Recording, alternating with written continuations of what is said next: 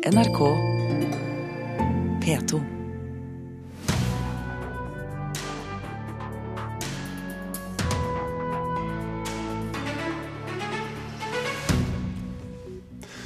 Filmbransjen kan bare glemme å lokke Hollywood til Norge hvis norsk arbeidsmiljølov skal gjelde, mener forsker. Bare tull, svarer Arbeiderpartiet. Finn frem det gamle kameraet ditt. Analog fotografering er nemlig blitt en trend på lik linje med vinylplater. For de som skjønner hva de driver med, da. Det kommer inn uh, unge mennesker som har kjøpt et uh, speilreflekskamera analog, legger det på disken og aner ikke hva de skal gjøre med det. Men noen som vet hva de skal gjøre med verden, det er Fredagspanelet. I dag skal de diskutere bl.a. om det var riktig å flytte Kreativ Norge til Trondheim, og om man kan være utro med TV-en. Du hører på Kulturnytt fredag 17. februar. Klokken er 08.03.55. Filmbransjen kan bare glemme å få Hollywood hit hvis ikke norsk arbeidsmiljølov mykes opp. Det mener en bransjeekspert vi har snakket med. NRK fortalte tidligere denne uken at enkelte ansatte på Snømannen-innspillingen jobbet opp mot 190 timer overtid i måneden. Et klart brudd på arbeidsmiljøloven ifølge Arbeidstilsynet. Men loven er neppe laget for å passe på arbeidere i de kreative næringene. Hvis man på en måte skulle hatt åtte timers dag totalt, inklusiv rigging og nedrigg, så ville du kanskje hatt fem-seks timer til å skyte. Her forklarer Sverre Pedersen i Norsk Filmforbund hvorfor det ofte blir lange dager på filminnspillinger. Og det vil ikke gå innenfor verken den tiden du har skuespiller tilgjengelig, og den tiden eh, du trenger å utnytte lys og eh, tilgjengelighet på stab og utstyr. Som NRK fortalte tidligere i uka, har nordmenn som jobber på Snømann-innspillinga, regelmessig hatt 15 timers arbeidsdager. Enkelte hadde også overtid på opp mot 190 timer i måneden. Det er ikke i tråd med norsk arbeidsmiljølov. Men er det kanskje loven det er noe galt med? Det mener i hvert fall førsteamanuensis Terje Gaustad, som sjøl har erfaring i filmbransjen og forsker på økonomi i kreative næringer. Jeg tror den norske arbeidsmiljøloven er primært laget for Eh, arbeidere som er i fast arbeid, og ikke for folk som jobber over kortere tid på et uh, intensivt uh, prosjekt. I de internasjonale filmproduksjonene så er det store effektivitetsgevinster ved å jobbe lengre dager. Filminsentivordninga som ble innført i fjor, skal lokke film- og TV-produksjoner til Norge med løfter om utgiftsrefusjon. Men Gaustad mener det hjelper lite hvis norske arbeidstidsbestemmelser samtidig er langt strengere enn det produsenter er vant til. Jeg tror de utenlandske produsentene forventer å ha det de ser som normal arbeidstid uansett når de kommer til Norge. Eh, og jeg tror de blir veldig overrasket hvis de blir pålagt å faktisk holde seg innenfor det den norske loven eh, legger til grunn. Gaustad mener det bør innføres unntaksbestemmelser i arbeidsmiljøloven, og peker på land som tillater opptil tolv timers arbeidsdager og 72 timers arbeidsuke på tidsbegrensa prosjekter.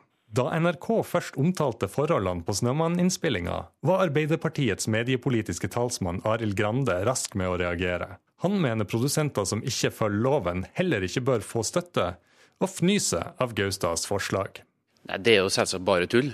Arbeidsmiljøloven er svært fleksibel, og det er full mulighet til å komme fram til god enighet eh, hvis du får til avtaler på forhånd eh, som ivaretar behovet for at du får en eh, produksjon raskt i havn, men som også sikrer anstendige lønns- og arbeidsvilkår for dem som skal jobbe i produksjon. Grande frykter for hva som kan skje hvis man begynner å gi utenlandske produksjoner unntak fra arbeidsmiljøloven. Det jeg er redd for eh, innenfor eh, dette området, er jo et eh, race to the bottom. Hvor man er så ivrig etter å tiltrekke seg internasjonale produksjoner at man glemmer alle prinsipper. Dersom myndighetene er seriøse i forhold til målsetningene med insentivordningen, så må de også lage unntak i arbeidsmiljøloven Eh, som tillater å jobbe mer eh, over kortere perioder tilpasset disse, disse prosjektene. Reporter her, det var Gautes Sakariassen.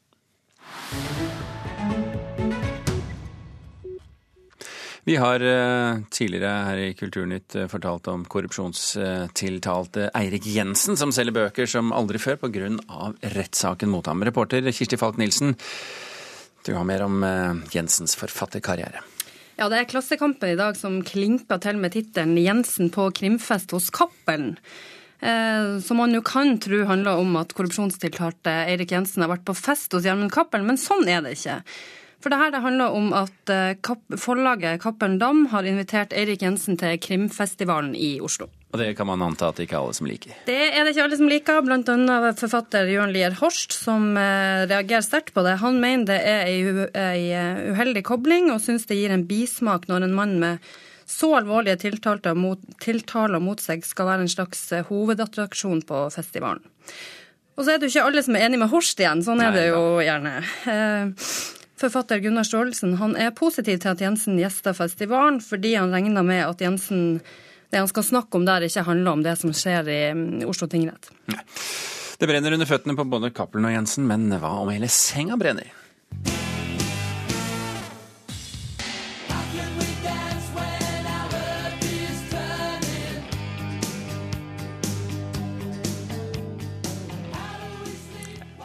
Det er jo, dette er jo en låt eh, fra hine hårde dager. Midnight Oil, australske orkestre. Politisk eh, aktive mennesker på det ene og andre plan. Eh, nå har nå har det skjedd noe med dem, eh, Kirsti. Ja, må bare først si at Målet med å spille den sangen er at alle skal få den på hjernen resten av dagen. Sånn, er, sånn er det gjerne. Okay. Det som nå skjer, det er at Midnight Oil skal på eh, første verdensturné på 20 år. Eh, de starta i midten av april og skal til USA, Canada, New Zealand og forskjellige land i Europa og Sør-Amerika. Det er over 50 konserter. De skal holde på i seks måneder. Og de sier at de vil ikke la Donald Trump slippe unna. Nei. Eh, sunne demokratier trenger noen som reagerer på dumskap og galskap, sier Peter Garrett, som er frontfigur. Ja, Han er en kjent aktivist. Han er det. Han har vært minister. Og politiker, for øvrig. Absolutt. Han har vært minister i eh, Australia i flere år. Eh, ga seg som minister i 2013. Ja, og bare for å ha det sagt, Midnight Oil har altså gitt ut 17 album til sammen, og de har solgt over 10 millioner plater verden over, så det er ikke, det er ikke hvem som helst. Nei. Etter mange år med nedgang, så er det nå vekst i salget av analog film til fotokameraer. Analog foto er en del av den samme retrobølgen som vinylplaten, og unge fotografer har nå begynt å ta bilder analogt. Det er i hvert fall det produsentene sier. En av dem, det er det norske stjerneskuddet Kyrre Ok, dette er noen av kameraene. Dette er en eh, Mamia RB67. Kyrre Lien er 26 år, men har allerede rukket å bli en av Norges mest kjente pressefotografer. Han har fotografert digitalt siden han var ungdom, men nå står han og roter i skapet sitt og drar fram et to kilos analogt beist av et kamera. Det er bygd i Japan på 70-tallet, 20 år før Lien selv ble født. Dette er sånn som bestefaren din drev med, kanskje? Jeg tror det. Og pappa i sin tid, da han fotograferte. Det morsomme er jo sånn som pappa nå, han er jo helt frelst av Instagram. Mens jeg nå kun nesten fotograferer på analogt. Det er veldig mange av fotografvennene mine også som uh, fotograferer analogt. Så jeg tror det er blitt en trend nå. Det klassiske er jo at det kommer inn uh, unge mennesker som har vært på loppemarked, kjøpt et uh, speilreflekskamera analogt. Legger det på disken og aner ikke hva de skal gjøre med det. Hilde Olivares driver en av de få gjenværende fotobutikkene i Oslo som fremdeles kan fremkalle analog film. I motsetning til hva mange tror, er det svært mange som fotograferer analogt igjen, sier hun.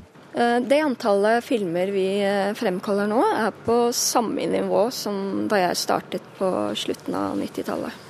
Er du overraska over det? Ja, veldig. Men det er kjempegøy. I storhetstiden i 2003 ble det solgt hele 10 millioner analoge filmer i Norge. I dag selges det litt under 200 000. Likevel har fallet stanset, og det er en vekst på mer enn 5% i året nå, sier Giles Branthwaite fra den britiske filmfabrikanten Ilford. There was maybe 12 years of film decline in volume. Then the last few years we've seen small digit growth. And then in the last 12 months, we've seen uh, a significant improvement up to, well, in excess of 5% growth of uh, film volumes. Ilford er en av de største produsentene av analog film, fotopapir og fremkallingsutstyr. Konkurrenten deres, Kodak, har du hørt om. Et av verdens rikeste selskaper som nærmest ble utslettet da de digitale kameraene overtok.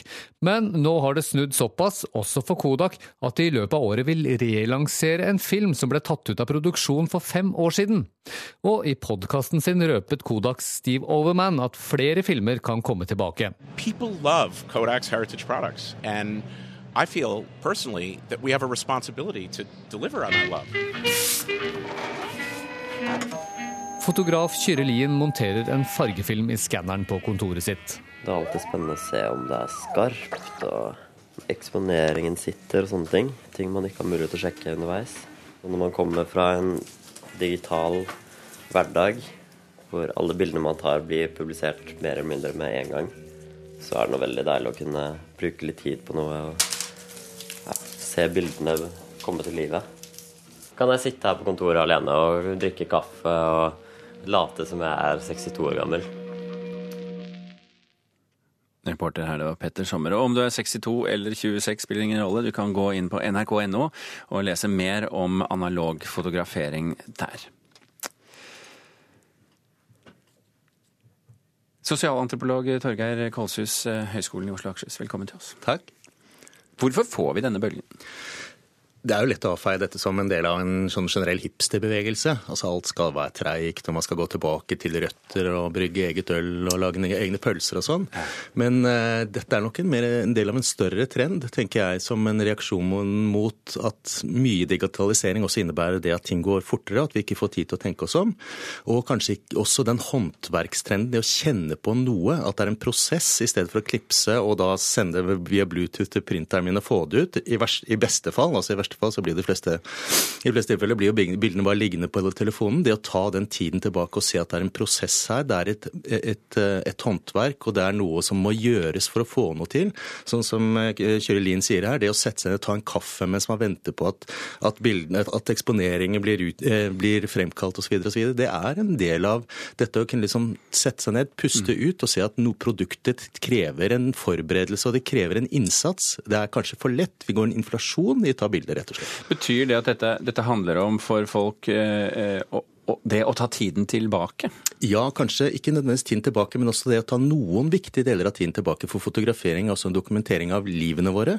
Og hvis vi tenker på at å, 10 000 eksponeringer i løpet av ett år, som jeg gjerne har få på et eh, mobilkamera, det er, det er altfor eh, det, det, er for mye, rett og slett. Da, da drukner det viktige i det, i det mindre vesentlige. Mm. Men, men, de som argumenterer med kvalitet, at det er bedre kvalitet, er det et, et, et, et, bærende element her, tror du? Jeg tenker nok heller at dette er noe helt annet. Altså Det er bilder, men det blir litt som å sammenligne et maleri med en fot, et fotografi. Det er to forskjellige måter å, å avbilde noe på. Og et digitalt digitalt foto er noe, er noe annet enn et analogt foto. Ikke bare pga. arbeidsprosessen som er involvert, men også det at det gir et annet estetisk uttrykk. Det blir litt som å kalle altså fly og tog og, bil er tre former for transport, men det er ikke nødvendigvis gitt at det er det viktigste, eh, viktigste egenskapen ved, ved, det å ta tog. Man velger noe annet når man velger å ta tog fremfor å ta fly.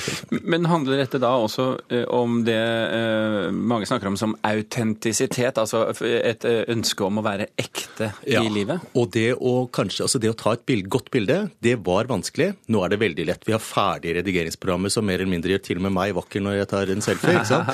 det skal en del til. Og da, eh, og da er det en, en, en, del av det å liksom eh, gjøre noe unikt. Det som er perfekt, blir, blir sjelden elsket. Vil vi se stadig nye tegn på en sånn slags mottrend mot eh, digitaliseringen? Ja, jeg tror det. Eh, blant annet, altså, det, Nå tror jeg ikke at banktjeneste kommer tilbake sånn i fysisk forstand. I hvert fall ikke i det omfang det, det du hadde. Du savner ikke bankgiroen? Jeg gjør ikke det. Min far gjør det, faktisk. Helt utvilsomt. Han, nå skal ikke min far anklages for å være en hipster, men, men det, å, det, det, å, ha eh, menneskelig kontakt og kontakt med det materielle ved det, altså det, det å ta på ting mm. Aviser Jeg er ikke overbevist om at avi, ja, papiravisenes død. Tvert imot. Jeg lurer på om det er den neste retrotrenden. Vi får se hvordan det vikler seg ut. Eh, Kolshus, eh, takk for at du var med i Kulturnytt. Klokken har passert 17 eh, minutter over åtte. Du hører på Kulturnytt, og dette er toppsakene i Nyhetsmorgen nå. Skolen er så tilpasset jenter at mange gutter ikke henger med i undervisningen, ifølge skoleforskere. Dobbelt så mange gutter som jenter får spesialundervisning. I USA har mannen president Donald Trump ville ha som ny nasjonal sikkerhetsrådgiver, viseadmiral Robert Harvard, takket nei til jobben. Og Svensk politi har avslørt at pedofilinettverket i Midt-Sverige, sju eldre menn, er pågrepet de to siste dagene. Det melder Dagens Nyheter. Og da er klokken 18 minutter over åtte, og vi åpner dørene for Fredagspanelet i år i dag. Best, fredagspanelet i år i dag, mener jeg. Karen Kristine Blågestad sitter i Kristiansand eh, og snakker med oss derfra. Kulturredaktør i Fedrelandsvennen. Her i studio har jeg Bjørgulf Vinje Borgundvåg, kommunikasjonssjef i Norsk Lektorlag, og Katrine Aspås, journalist og forfatter. Velkommen alle tre. Tusen takk. takk. Du får bare gjøre deg gjeldende der nede fra Kristiansand, eh, Karen Kristine. Jeg er god på det. Ja.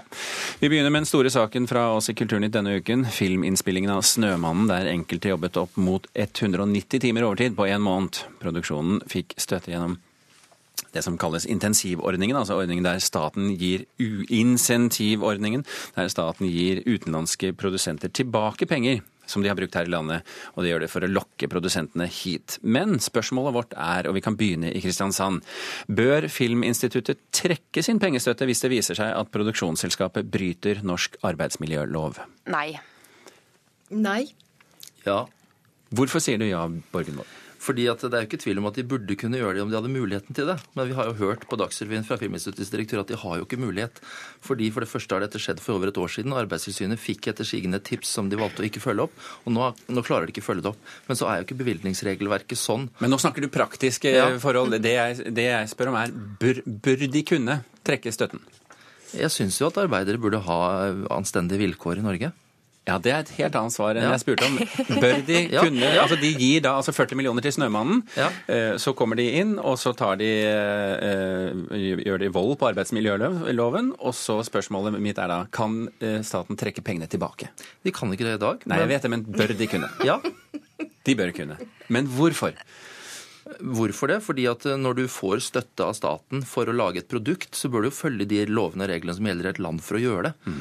Og det har jo også direktøren for Filminstituttet sagt, at de vil vurdere når de skal revidere det regelverket nå, om de skal legge ned passus om det. Men Blågestad, det syns du er en dårlig idé? Ja, jeg syns det er uh, forferdelig naivt å tenke at norsk arbeidsmiljølov og amerikansk filmindustri skal bli, uh, gå opp i en høyere enhet. Det tenker jeg er to helt uforenlige ting, altså. Og så syns jeg at det som skjer i Norge skal følge norsk lov, selvfølgelig. Men det må jo være noen middelveier her og, eh, som gjør at eh, amerikanerne fortsatt vil synes det er interessant å komme hit og lage film. Da. For hvis de skal dytte våre reguleringer på dem, så tror jeg rett og slett bare de snur oss eh, ryggen. Men Aspås, vi kunne jo si at uh, sorry, Hollywood, arbeidsmiljøloven er viktigere for oss enn dere. Mm. Eh, det går det an å si. Det har vi jo ikke lyst til å si. Eller jeg har i hvert fall ikke lyst til å si det. Nei. Og det er litt det er sånn med alle sånne store prestisjeprosjekter. altså 'Snømannen' er jo den nye Keops-pyramiden. Der ble det også jobba masse overtid. Det er så utrolig Jeg vet ikke hvor prestisje Uten sammenligning ja. for øvrig. Men altså, eh, 'Snømannen' er et sånn kjempeprosjekt som så mange mennesker vil være med på. De er jo villige til å jobbe døgnet rundt, også helt til de stuper, selvfølgelig. Og vi, det er jo som når vi kommer hit til Fredagspanelet, vi er jo villige til å stå opp midt på natta for å komme hit. Nærmest i Otta. Nærmest i Otta, fordi det er så utrolig Og får vi betalt for det? Nei. Nei da. Og nå er det arbeidsmiljø. Kun velvilje. Men det, men det er klart det at vi, vi kan godt uh, stramme opp opp dette regelverket. Vi kan godt være klarere på det til neste gang vi inviterer Hollywood inn. Stramme opp mener du egentlig løse opp? Vil, eh, vil, vil, bør vi egentlig løse det opp? Er det det som Nei. er poenget? Eh, bør vi gjøre det til, tilpasse det bedre Hollywood? Ja, altså vi bør være vi, eh, Jeg tror kanskje det altså Arbeidsmiljøloven ikke er kompatibel med Hollywood. Altså, Så, men bør den tilpasses Hollywood? Er det, vi kan, vil vi gå i retning av det? Jeg tror denne saken her viser at vi har, et, vi har noe å gå på i, i, å være fleksibel overfor eh, Hollywood og mm. danske og svenske og tyske en, en, gang politiker og forvalter av lover og regler i landet, Borgundvåg. Ja, altså, nå jobber jeg for en fagforening, og selv om skolen nok er litt mer regulert enn filmbransjen, så har vi stadig medlemmer som opplever at arbeidsgiveren prøver å tøye reglene, mm. det regelverket som er der, i en velregulert bransje som skolen er. Så vi trenger gode regler. Nå kan jo faktisk Hollywood også avtale seg bort fra arbeidsmiljøloven, akkurat som legene og andre gjør. Mm. Og da må de gjøre det. Så jeg har ikke så veldig god kjennskap til det indre livet i denne saken, for det er jo ingen som uttaler seg, og kontrakten er hemmelig og sånn.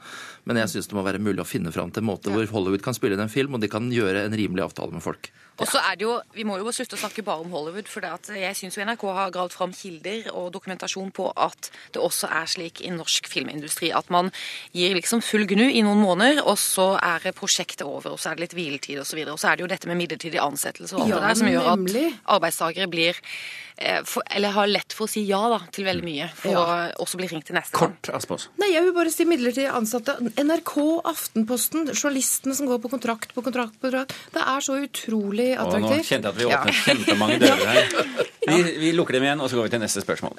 Både Bergen og Stavanger er skuffet over at kulturminister Linda Hofstad Helleland plasserte Kulturrådets nye satsing i hjemfylket Sør-Trøndelag. Kulturministeren bør vise at de faktisk har hatt en åpen prosess, sa bl.a. kulturredaktør redaktøren i Bergens Tidende. Og spørsmålet vårt er har kulturministerens argumentasjon for å legge kontoret Kreativt Norge i Trondheim vært for tynn, Borgenvåg? Ja. Ja. Ja. Ja, Vi begynner igjen med Borgenvåg, siden du er, kaster litt tvil inn i her. Jeg tror ikke det er noe tvil om at vettet er gjenfordelt fordelt her i landet. Men det koster jo tid og penger å bygge opp et kompetansemiljø. Og her har kulturministeren bedt om et faglig råd, og hun har fått det, og så har hun valgt å se bort fra det. Og da bør hun jo ha en veldig sterk begrunnelse. Men før den ja-en din, så la du en N for å gjøre det litt tvilsomt. Og hva er eh, hun, hun, var jo her på radio i, i NRK Kulturnytt og sa at nei, det er teknologimiljøet i Trondheim som er grunnen. Så, som du sa til henne da, så da må vi jo få sjanse til å se om de leverer på det. da, For det var jo det som hun som jeg skjønte det var grunnen til at hun har valgt mm. Trondheim. Blågestad. Ja, jeg syns alt blir litt søkt, fordi at uh, man kunne funnet uh, gode lokale argumenter for å plassere det kontoret i hvilken som helst av disse syv byene. NTNU-koblingen er jo syltynn, og det ville jo kanskje andre argumenter også vært, unntatt kanskje det som fagekspertisen har anbefalt. Men her i Kristiansand f.eks. Mm. Vi var også med. Det er noen som har glemt det, men vi var også med i kampen. og vi har jo en av de største suksessene på kreativ næring i, i vårt område, og det er jo Dyreparken, som faktisk er en av de største sceniske arbeidsgiverne i Norge. Og vi har eh, kjempestore eh, suksesser i festivalbransjen som Palmesus. Man kunne funnet sånne argumenter overalt. Mm. Men det som er litt greien, er at når syv byer har brukt tid og penger, eh, møte med kulturpampene, reist inn til Oslo, vært på denne audition, altså brukt litt krefter og ressurser på det, og sitter igjen med den begrunnelsen der, så har de på en måte lært ingenting. De sitter bare igjen med et eh, litt blakkere og med et stort eh, spørsmålstegn og, og vet ikke helt hva som skjedde. Aspers. Ja. Jeg har bare én ting å si, og det hadde vært så utrolig forfriskende fint om hun bare hadde sagt at dette er en hilsen hjem. Altså, det er eh, Det ville vært eh, det, hva, er, hva, er, galt med å si det som det er? Fordi eh, hun har liksom så, som gått imot antar, kultur Som du antar at det er, mener du? Ja, altså som det, det er så tydelig, så det blir sånn litt sånn det er litt sånn kleint å se på en som bruker veldig tynne argumenter. da. Og det er veldig enig. Så det er konstruksjon med NTNU. Det er så vondt å se på. Ja, kleint. Ja. Men det er, det er, jo ingenting i veien for at det kan bli en stor suksess i sånn, Trondheim. Det er noe annet. Nå, nå, har jo trønderne fått en sjanse før, for de fikk jo også en hilsen hjem den gangen de skulle få etablere Norsk rockmuseum. Og vi så jo hvordan det gikk. Det gikk ikke bra. Vi åpner ikke den døra heller, for vi har nemlig et spørsmål til. Og vi hopper til det isteden. Nordmenn ligger på europatoppen i det som kalles serieutroskap. Det er bare Spania som ligger over oss på listen, og det viser i hvert fall undersøkelsen som er gjennomført av strømmetjenesten Netflix. Dette er altså spørsmålet om du sniktitter på neste episode av en serie som du egentlig har avtalt å se sammen med kjæresten din eller kompisen din eller mora di, alt ettersom. Spørsmålet vårt er er det egentlig utroskap, Borgen Våg? Overhodet ikke. Aspås? Uh, nei. Det er mest komisk. Også Blågestad. Ja, jeg, dette er utroskap, og jeg vil påstå at det er av den alvorlige sorten. Ok, Hva mener du? Nei, dette er jo, ikke sant, Man setter seg ned med sin kjære, skal følge med på en serie. Dyrke fellesskapet, samværet, drikke litt vin til, eh, ha en rolig kveld, prate litt om løst og fast. Det er en sånn veldig kvalitetsstund da, i veldig mange parforhold, tenker jeg. Og hvis man begynner å liksom sniktitte fordi partneren er ute en kveld, eller noe sånt, så er det å svike det fellesskapet kjempealvorlig. Og har jeg gjort det? Ja. Har jeg vært den kronidioten og sagt til noen? Nei, det har jeg ikke gjort. Hadde du dårlig samvittighet? Eh, litt. Borgenvåg, sånn er det ikke hjemme hos dere. Altså jeg tenker at Hvis det er TV-en som binder forholdet ditt sammen, så er kanskje serieutroskap det minste som burde bekymre deg. Og Jeg jo, kan jo innrømme her på direkten at jeg har vært serieutro, men jeg gjør det jo ikke på de seriene hvor mannen min blir gæren. Men det kan jo være en katalysator på forholdet? Ja, altså, er, Jeg er litt enig som det ble sagt her fra Kristiansand. Hvis, hvis, det skal aksepteres, så må du holde kjeft om det. Det er jo akseptert med vanlig utroskap. I Frankrike var det i hvert fall, men du måtte jo holde kjeft om det. Og det gjelder jo som i all annen utroskap. Hold godt kjeft. Jeg er ikke sikker på om vi går eh, opp eh, riktig moralsk eh, sti her, Aspaas. Nei, jeg sitter bare og koser meg. For det er sånne som oss som ikke har kjæreste Dette er jo sånne nyheter som vi elsker, for da får vi sånn grunn til å kose oss over at vi faktisk kan sitte og se på de seriene helt alene og bare se så mye vi bare Men vil med. Prøv likevel å visualisere deg at du har kjæreste. Hvordan ville du oppført deg i en sånn situasjon, tror du? Oh, jeg ville jeg, jeg, tror jeg ville Jeg tror jeg ville gått på en Helleland og sagt at dette er uh, NTNUs Nei, altså jeg ville, jeg ville nok ikke sagt uh, noe. Men altså, jeg tror ikke det, altså. Men i det post-NRK-monopolske samfunn så er det jo blitt litt sånn mine, dine og våre serier. Og jeg slipper unna med en episode Big Bang Theory, men hvis jeg prøver meg på Kampen om tungtvannet eller The Crown, da tror jeg jeg får litt mer problemer. Ja, for det er det som er trikset, ikke sant. Man må se noe sammen, og så må man ha sine litt sånn egne små stier som man kan se på uh, alene. Hva er nytten av det? Nei, sånn at man kan eh, slippe å sitte og kjede seg, eller gud forby lese bok eh, når man er alene hjemme en kveld. Ja. Men, men det, kan ikke gå, det går jo ikke under kategorien utroskap, gjør det vel? Nei, det gjør det ikke. Det er jo Nei. dette fellesprosjektet, det at man har bestemt seg for å sitte og oppleve kultur sammen, som jo TV er da når man ser på serier. Eh, altså, det er jo ikke sånn eh, det er ikke noen sånn tacky tid, det er kvalitetstid. Det er kvalitetstid. Men jeg lurer bare på de der spanjolene, altså. Hva er det de De er enda mer utro enn oss. Hva er det, de, Har du en teori? Dem, liksom? Som ikke er altfor lang? Vi går mot slutten her. Det er, det er, vel eh, den gamle teorien om at de er så ildfulle og klarer ikke å styre seg. Men, eh, men i så fall så er nordmenn er over italienere og franskmenn og alle ja. andre ildfulle latinere. Det er jeg litt stolt av i denne, i denne saken. Ja, så du ville kjempet for utroskapet, altså? Ja, litt. Vil være litt gærne. Det kan vi vel være. Vi, vi, kan vel enes om at hvis folk først skal være utro, så er det bedre at de gjør det med TV-serier enn i ekte liv. Der ligger moralen, og der slutter vi. Ja. Så vi har den stående. Fredagspanelet er slutt. Takk til eh, Katrina Spås, Karen Kristine Blågestad og Bjørgulv Vinje Borgundvåg. Thomas Alvarstein Ove, Birger Kålsrøsund, takker for følget. Hør flere podkaster på nrk.no podkast.